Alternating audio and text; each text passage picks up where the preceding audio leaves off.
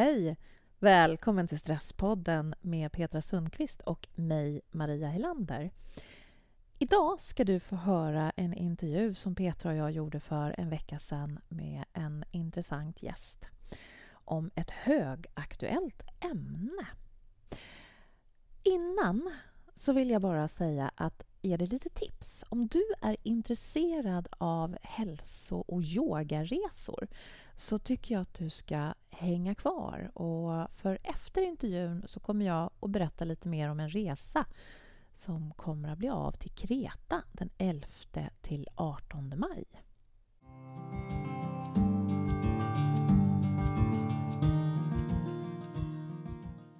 Hej! Vi sitter här nu idag ute vid Tekniska högskolan och har mm. eh, gått upp här några plan till eh, Jolanda Hedborg som faktiskt forskar på korrektion, alltså metaller i kroppen. Just det. Men det är inte det vi ska prata om idag. För hon är också forskningsbevakningsansvarig mm. på Sveriges förening för högkänsliga. Mm. Så vi ska prata HSB, alltså mm. högkänslighet, med dig idag. Mm. Mm. Jättebra. Ja, jättespännande. Spännande! Mm. För som vi sa precis innan här till dig så, så har vi fått väldigt många som har hört av sig och undrat om vi kan ha, ta upp det här i podden. Mm. Och det är för att det verkar som att det hör ihop lite med stress ibland, eller kan göra det.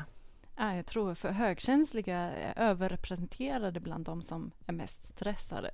Så det är, och sen kan väl många som känner sig stressade tänka att de är högkänsliga. Så det är verkligen bra att förklara vad som kan vara skillnad och vad som kan vara samma sak. Mm. Um, vad är det egentligen att vara högkänslig om vi börjar där? Ja, exakt. Det är ju ett personlighetsdrag som um, har att göra med hur vi bearbetar sensorisk information.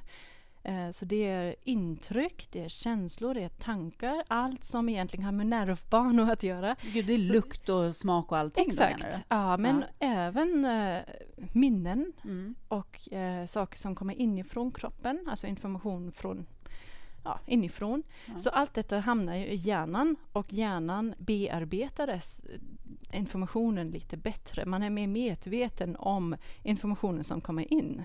Mm. Eh, så högkänslighet, det betyder det. Det är själva grunden. Det betyder en djup bearbetning av tankar, känslor och stimuli.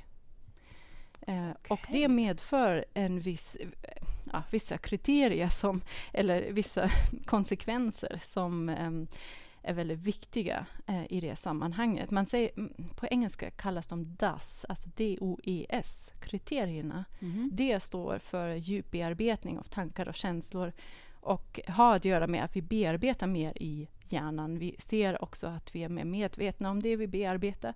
Vi tänker mer associativt och det är mer aktivitet i, i de delar i hjärnan då. Um, och sen har vi uh, det som O är en tendens att vara mer överstimulerad och det är en direkt konsekvens av att vi bearbetar så mycket. Så om det kommer in så mycket och vi, vi tänker hela tiden om det, det är aldrig tyst i huvudet, liksom. då har vi en större tendens att vi behöver liksom, dra oss tillbaka och tänka eh, om det som kom in. Mm, och låta det bearbetas ja, i fred. Exakt. Så, ja. Mm. så vi kan inte um, vi kan inte, enkelt inte ha samma program som någon som har mycket mindre känslighet. Ehm, eftersom det... Men samtidigt så kan vi upptäcka detaljer mycket bättre än någon som har mindre känslighet. Så, så det är liksom för och nackdelar med det. Mm. Um, så, mm. Och om man är överstimulerad, det vet säkert många som är stressade, då um, vill man bara ut från den situationen och man känner att man förlorar mycket av sin tankekraft. Liksom. Man, man, kan inte koncentrera sig lika bra, man kan inte tänka lite klart, man förlorar sin empati eh, och man har en känsla att man behöver gå därifrån. Eh, helst i ett mörkt rum. Liksom. Mm. ja, så det är en överstimuleringssituation och den hamnar eh, högkänsliga ganska ofta i, men de är väldigt vana så de har ju utvecklat en hel del strategier för det. Men vissa hamnar då i kronisk överstimulering det är då vi pratar om stressrelaterade sjukdomar. Okej. Mm. Och sen är det tredje kriteriet är empati eller empatisk förmåga. Mm. Och det har man också sett då i hjärnskanningsstudier att vi har, alltså högkänsliga har en större aktivitet i områden som har med spegelneuroner att göra. Mhm. Det vill säga att vi kan lättare avläsa andras känslor och lättare tolka dem. Lättare känna empati, oftast bryr vi oss mer. ehm, och um, blir liksom mer alarmerat när det är till exempel någon blir mördad eller en klimatuppvärmning eller någonting så blir vi mer alarmerade för att vi kan lättare eh, empatiskt delta i konsekvenserna. Mm. Vi gör mer konsekvensanalys och förstår vad det betyder på känsloplanen. Mm. Ehm, och sen den sista eh, kriteriet är ju S då som står för sensitivitet eller känslighet för subtila eh, stimuli eller subtila eh, saker. Och det är Mm. att man, att man kan ganska lätt se det på små barn som är högkänsliga. De liksom upptäcker någon liten, liten rutschkana långt bort liksom och, och säger där, rutschkana eller någonting. Mm. Så det handlar om att man ser små viktiga detaljer i sin omgivning eller hos sina, eh, sina medmänniskor eller att man liksom kan läsa mellan raderna eller förstå meningen med någonting eh, på ett annat sätt än andra kan. Det är också den ehm, delen av eh, kriterierna som är bra för att vara forskare till exempel för att man liksom kan se den lilla detaljen som faktiskt gör att experimentet eh, betyder någonting annat. Eller, ja, just det. Mm. Jag förstår. Mm. Men det är Ja. alla de här IDAS, D, O, E, S, som ska ändå Ja. som man ska pricka in för att eh, vara en högkänslig Exakt. person. Ja. Förutom om man är kroniskt överstimulerad. För då kan man inte känna empati. Man förlorar sin empat- empatisk förmåga Mm. och man förlorar sin förmåga att djupt bearbeta. Så Mm. man kan inte längre tänka djupt. Men det har man kunnat då innan den situationen när man var kroniskt överstimulerad. Mm. Men en kronisk överstimulering, det låter ju nästan som att då har man ju faktiskt Det- höga stresssymptom och kanske Ja. till och med utbränd. Exakt. Ja.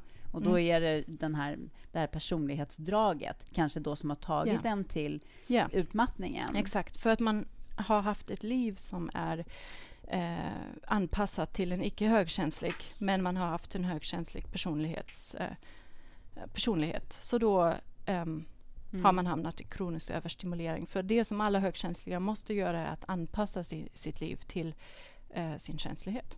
Hur kan eh, till exempel livet se ut för en eh, högkänslig som är på fel ställe då? Ja, Vad bör man kanske inte vara? Eh, tror man de flesta högkänsliga utvecklar enormt många strategier. Det kan vara att man eh, drar sig undan mycket. Det är väldigt många högkänsliga introverta. Mm. Så de, räkn, de, de förstår att det tar energi att sitta med, vid lunch med kollegorna. Det tar energi att gå ut. Det tar energi att eh, mingla. Att åka på konferens. Att eh, titta på TV. Mm. Mm. Så då ska man helt enkelt eh, utsätta sig för så lite stimuli som möjligt, för så lite eh, speciellt em, emotionella stimuli. Inga Mm. konflikter. Man, man börjar fundera på allting på, Mm. eh, när, så fort man ser människor. Och så. Många eh, högkänsliga tar inte tunnelbanan, till exempel. De tar, klarar inte av att så många... Liksom, de analyserar ju allt och alla. så Mm. det är liksom ja, em, för mycket då. Men du kan väl vara introvert utan att vara högkänslig? Eh, ja, fast rent statistiskt är minst hälften av introverta högkänsliga eftersom introverta är 30 procent av befolkningen och högkänsliga ungefär 20 procent. De nyaste studier tyder på lite mer. Mm. Eh, och ehm, det betyder att minst hälften av introverta är ehm, Mm. högkänsliga eftersom 70 procent av högkänsliga är introverta. Så Mm. om ni kan Men det måste så. vara en otroligt jobbig eh, kombination då att vara extrovert och högkänslig. Oh ja. Mm. Det är eh, ett specialfall som eh, då 30 procent av Ja. högkänsliga hamnar i. Eh, och det, men det finns andra eh, specialfall som också är särskilt jobbiga. Till exempel om man som högkänslig är särbegåvad, om man som högkänslig är sensationssökande eller extrovert. Eh, sensationssökande betyder att man eh, älskar risker. Och det är ju liksom nästan motsats till att vara högkänslig. Och om man har båda, alltså det, man beskriver det som att man har en fot på bromsen och en på gas. Mm. Så det blir ehm, mm. man kraschar hela tiden. Eftersom man, man vill gå ut och sen eh, måste man återhämta sig. Mm. Eh, och så vidare. Mm. Det låter som en kombination mellan ADHD och eh, HSP nästan då. Mm. Ja, just det. Um, så men en extrovert, eftersom jag menar, vi lever ändå i en tid där extrovert ändå är normen, så det är ändå många som kanske också är låtsas extroverta. Hur, vad, mm. vad är liksom, vad ska en sån, när är en sån person på fel plats? Oh ja, alltså det, det är inte smart för högkänsliga att vara låtsas extroverta. Eller om de nu är det, så måste de ändå planera in sin återhämtningstid. För visst går det att vara på mingel och konferens och så vidare Visst går det, men man måste planera för återhämtningstid efteråt. Det, mm. Och om man gör det, om man, om man har förstått det, så kan man göra nästan vad som helst. Ja. Ja. Mm. Men är det så att, tror man att det är så att det är många som går runt och är högkänsliga utan att veta om det? Eller är det mm. någonting som, är man högkänslig så, är man, så vet man det? Jag tror att det är speciellt många män som går runt och är högkänsliga utan att veta det eftersom det är lika många män som kvinnor men det är väldigt färre, mycket, alltså, många färre män som, mm. som öppen säger att de är högkänsliga eller som är medlemmar i vår förening. Eller, alltså det, det är kanske max 10 procent som kommer till våra träffar eller som är medlemmar eller som hör av sig. Uh, så det är väldigt många högkänsliga män som uh, antingen inte vill vara det eller mm. som inte vet om det. Men man vet i forskningsstudier att det är ungefär det är lika, lika, många? Det är lika många. Mm. Mm. Mm. Och de här forsk bland annat så har man gjort hjärnscanning på... Mm. Ja, ah. exakt. Så det... Är det här någonting som man måste vara född med eller är det någonting som kan uppstå på grund det... av att man kanske har blivit utbränd eller stressat för mycket? Och... Eh, nej, det är man född med. Och det är också starkt ärftligt. Så har man högkänsliga föräldrar är sannolikheten hög att man också blir det. Liksom. Eller är det. Mm. så man är det um, från födseln. Mm. Um, ni nämnde ADHD förut och det, vi brukar få många frågor om det. Um, tänkte nämna det. Uh, hur skiljer man ett ADHD-barn från ett högkänsligt barn? Då, um, det som man då ska tänka på är barnet kan barnet koncentrera sig när det är lugnt. Och om det är fallet så är det troligtvis högkänslig istället. Mm. För att eh, eh, högkänslighet betyder ju att man kan bli överstimulerad i stökig klass eller um, när det är mycket liksom, på gång. Um, men att man visserligen kan djupt koncentrera sig eller bearbeta tankar och känslor. Oftast djupdyka i saker mm. eh, om det är lugnt. Mm. Mm. Mm. Okej, okay, så, så kan man skilja det. Eh, och om man funderar, och det samma gäller stressade personer då, så de, de måste då gå tillbaka om de kanske redan är utbrända. Hur har de varit som barn? Har de kunnat koncentrera sig när det var lugnt eller inte? Mm. Så. Okej, okay, okay. Mm. För att det är, för jag, just det här att med flera av de här sakerna, att man som du säger att exempelvis blir man kroniskt eh, eh, vad var det vi kallade det för när man går in i eh, ut, eh, man blir överstimulerad, kroniskt överstimulerad. Precis, just det. Så mm. kunde man tappa empati. Och, yeah. och, och, det är ju också det är för, för oss som inte är högkänsliga att blir vi, blir vi utbrända eller så blir man ju empatitrötta och mm. man orkar inte längre känna.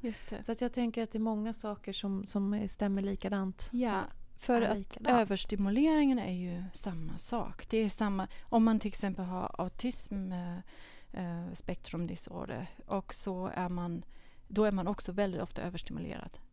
Eh, och i, i grovt autistiska tillstånd så är man ju väldigt eh, mycket det. Då man, befinner man sig egentligen i en eh, grundöverstimuleringssituation. Um, och det där är ju också samma mm. symptom. Så, eh, så om, man, om man är överstimulerad så liknar alla dessa tillstånd varandra. Mm. Så det, mm. det, mm.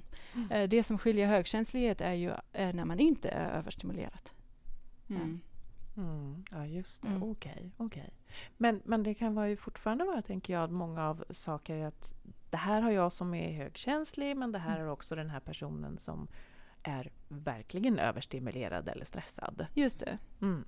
Och att då, att det, mm. För jag tänker, det finns ju en del tester och sådär som mm. man kan göra på nätet mm. och, och, liknande. Och går man in och tittar på en av de där testerna så kan det ju se ut som att, men vänta nu, det här har jag, det här har jag, det här har jag.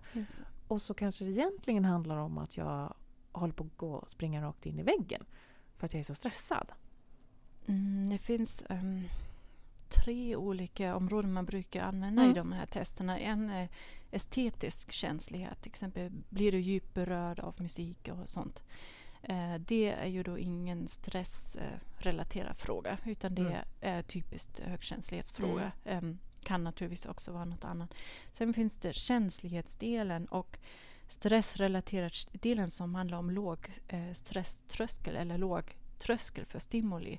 Den kan vara samma för mm. stressade personer och överstimulerade personer och, och andra tillstånd, liksom. Mm. sjukdomstillstånd mm. också. Mm. Uh, och sen har man det där med djupbearbetning. Och det är igen unikt för högkänslighet. Uh, och kanske även särbegåvade, fast särbegåvade ska vara um, nästan alla av dem ska vara högkänsliga, förutom de som också har sån där savant, um, alltså det är en autism. Savant. Eh, savant, ja. Mm. Exakt. Så, mm. så det, och de skiljer sig enbart på en, empatidelen. Mm. Mm, okay. ja. det, det, det, blir lite konstigt ibland också med de här um, testerna som man kan mm. göra på nätet. För den kanske inte tar hänsyn till, om du ska pricka in 14 av 16, så tar ja, inte den hänsyn till vilka Alltså det här till exempel med berörd av bild och musik och sånt ja. kanske då faller bort. Så är det just de två som man inte mm. prickar in. Ja. Så kan ju Exakt. resten vara stress egentligen. Det är ju, de är ju bara vägledande. Mm. När man eh, använder forskning så har man alltid ett poängsystem. Så då är det inte ja nej utan då är det ju poäng 1 till 5. Mm. Ah. Så då blir det ju lite tydligare. Men finns det något bra test som man kan göra själv eller måste man uh, ta kontakt med, med någon för att kunna göra ett bra test? Alltså på vår hemsida finns ju ett uh, det, där finns test. Ett bra test. Och mm. det testet är ju vetenskapligt mm. Uh, bevisat eller så pass robust. Man säger att det har 80 procent ungefär mm. säkerhet. Men eh, det bästa är ju att eh, det, det allra viktigaste är att man prickar in alla de här fyra kriterierna. Ja, från DAS. Ja. Om, om ja. en av dem saknas så kan det vara något annat. Ja. Ah. Men om man känner sig stressad, då prickar man alltså inte in empati och eh, djupbearbetningsdelen. Mm. Oavsett. Då, då, ska man tänka i, tillbaka, hur var det förut? Precis. Just det. Och det kan, vara, det kan vara ganska bra ändå, eller mm. hur? Ja. Att om jag börjar fundera i de här banorna ändå fundera på men hur hade jag det som barn? Exakt. För högkänslighet är ju hela livet, så det är... Ja. Mm. Mm. Just det. Mm. Mm. Mm. Var det något eh, som verkligen så här, särskilde vuxen HSP mot barn HSP? Sådär, ja, konkret? Eh, det, den viktigaste skillnaden är att vuxna oftast har strategier mot överstimulering. Så de kan liksom verka som helt normala människor. Medan barn verkar som intensiva eller ADHD eller um, särskilt ängsliga eller särskilt försiktiga eller blyga eller uh, särskilt fantasirika och så vidare. Så de är alltid, alltid lite för mycket. Liksom. Mm. För, att man, för att de så, har så starka känslor. Och naturligtvis har vuxna exakt lika starka känslor men de har lärt sig att um, hur samhället vill se mm. dem. Mm. mm. Just det. Och hur de, liksom, de har lite mer flyktmöjligheter eh, än barn. Ah. Oh, ouch. Ja. ja. Mm. Det, det gör ju nästan ont i hjärtat när man tänker Precis, på då ett barn som har... Men hur jobbar ni i uh, er förening? Ja, alltså våra två huvudsyften är mm. att sprida information så att förhoppningsvis fler högkänsliga barn till exempel eh, slipper eh, lärare som gör fel saker eller ja, eh, mm. så, sånt. Um, eller psykologer som inte ens har hört talas om högkänslighet så blir det liksom lite jobbigt.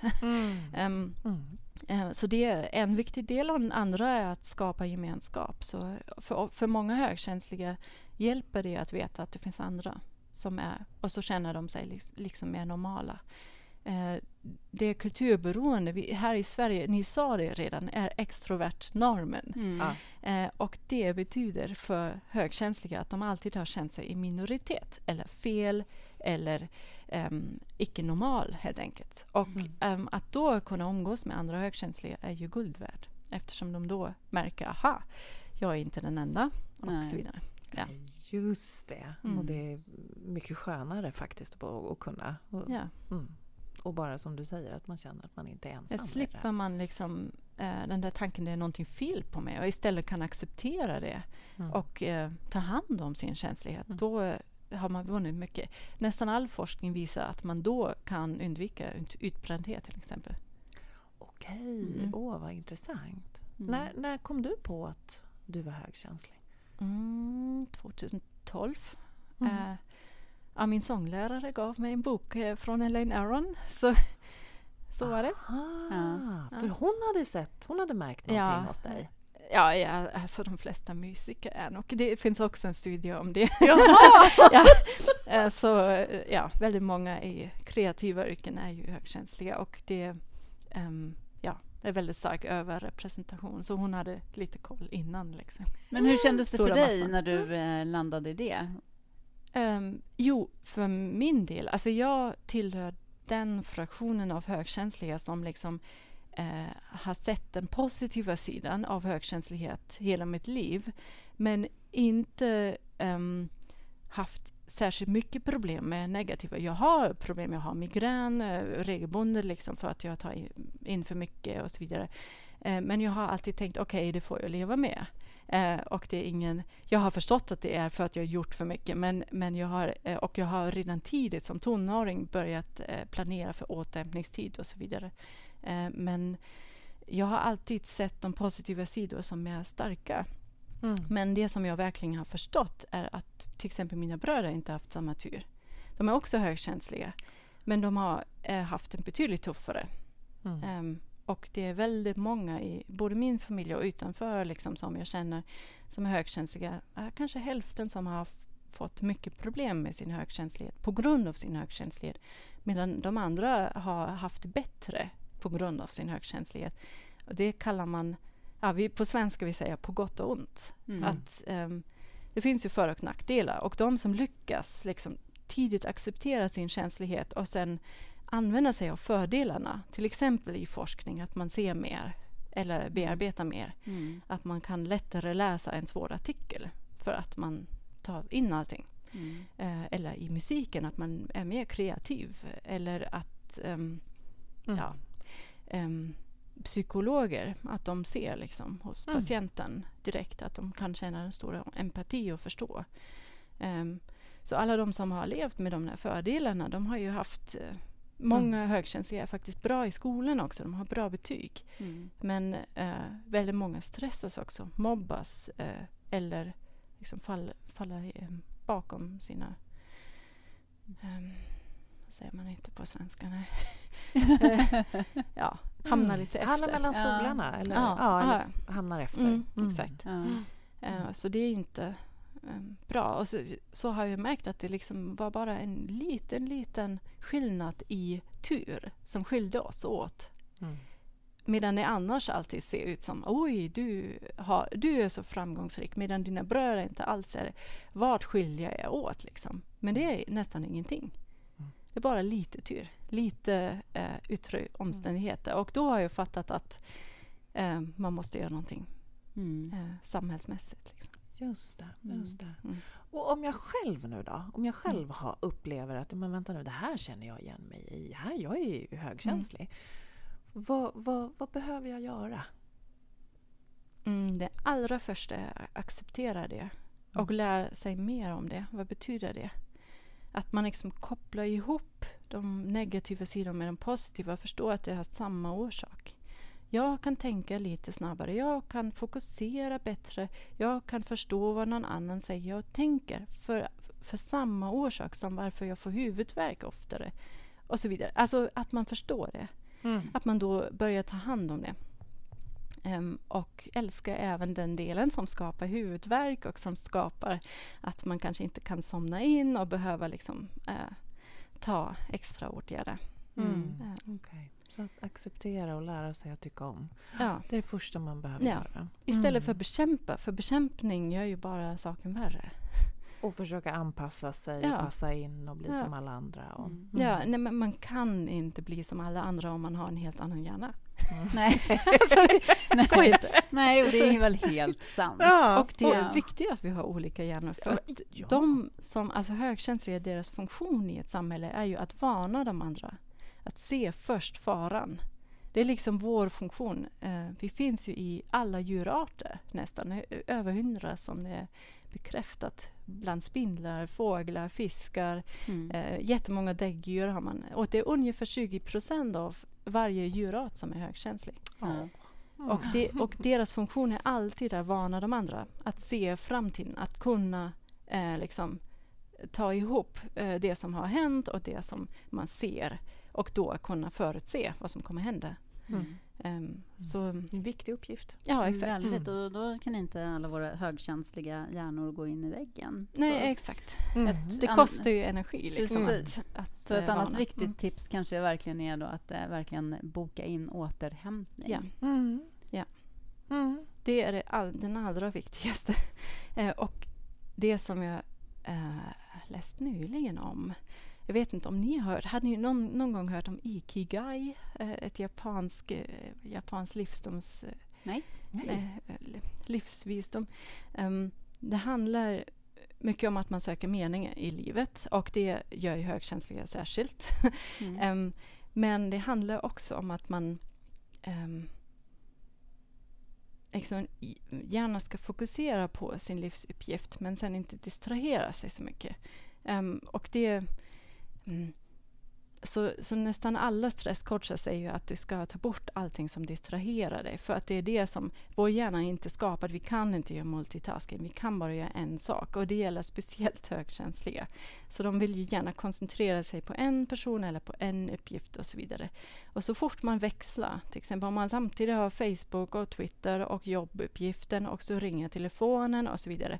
Eh, det är jätte, jätte energikrävande. Mm. Och då är det jättesvårt för nästan alla att ehm, koncentrera sig, men särskilt för högkänsliga.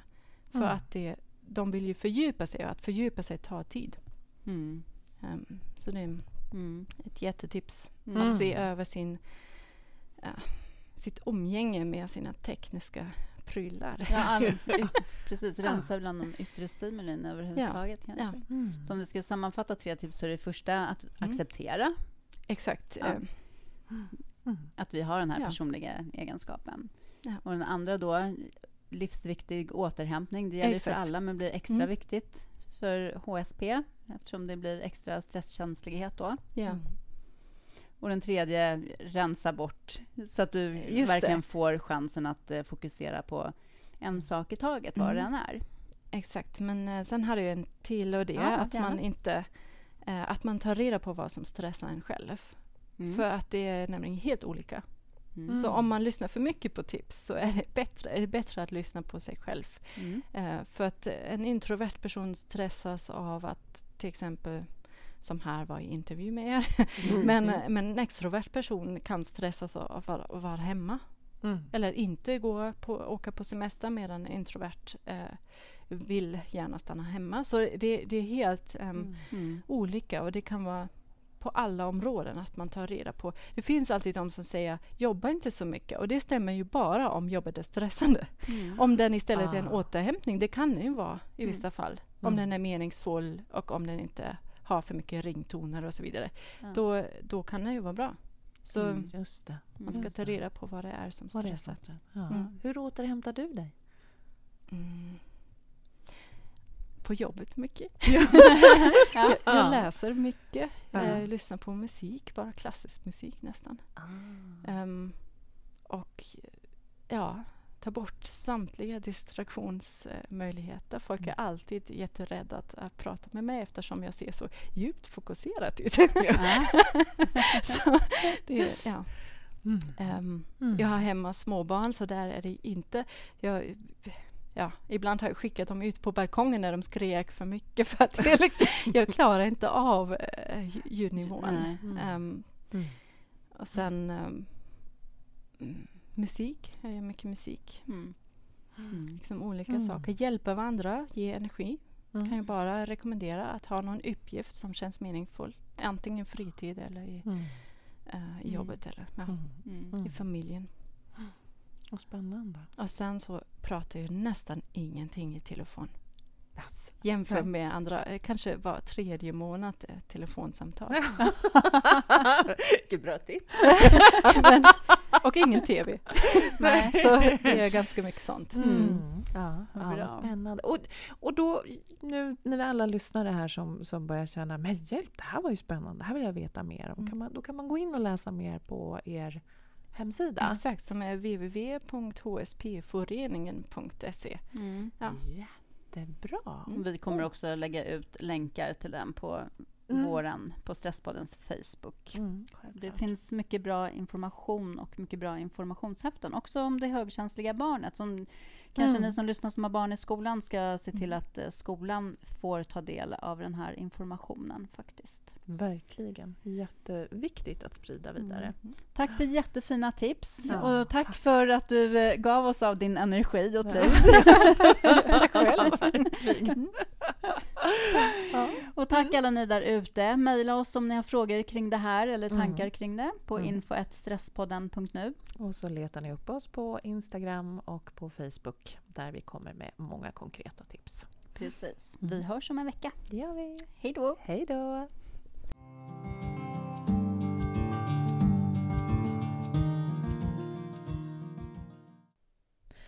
Den 11 till 18 maj så finns det möjlighet för dig att delta på en hälso och yogaresa med eh, mig och eh, yogalärare Lise Benberg.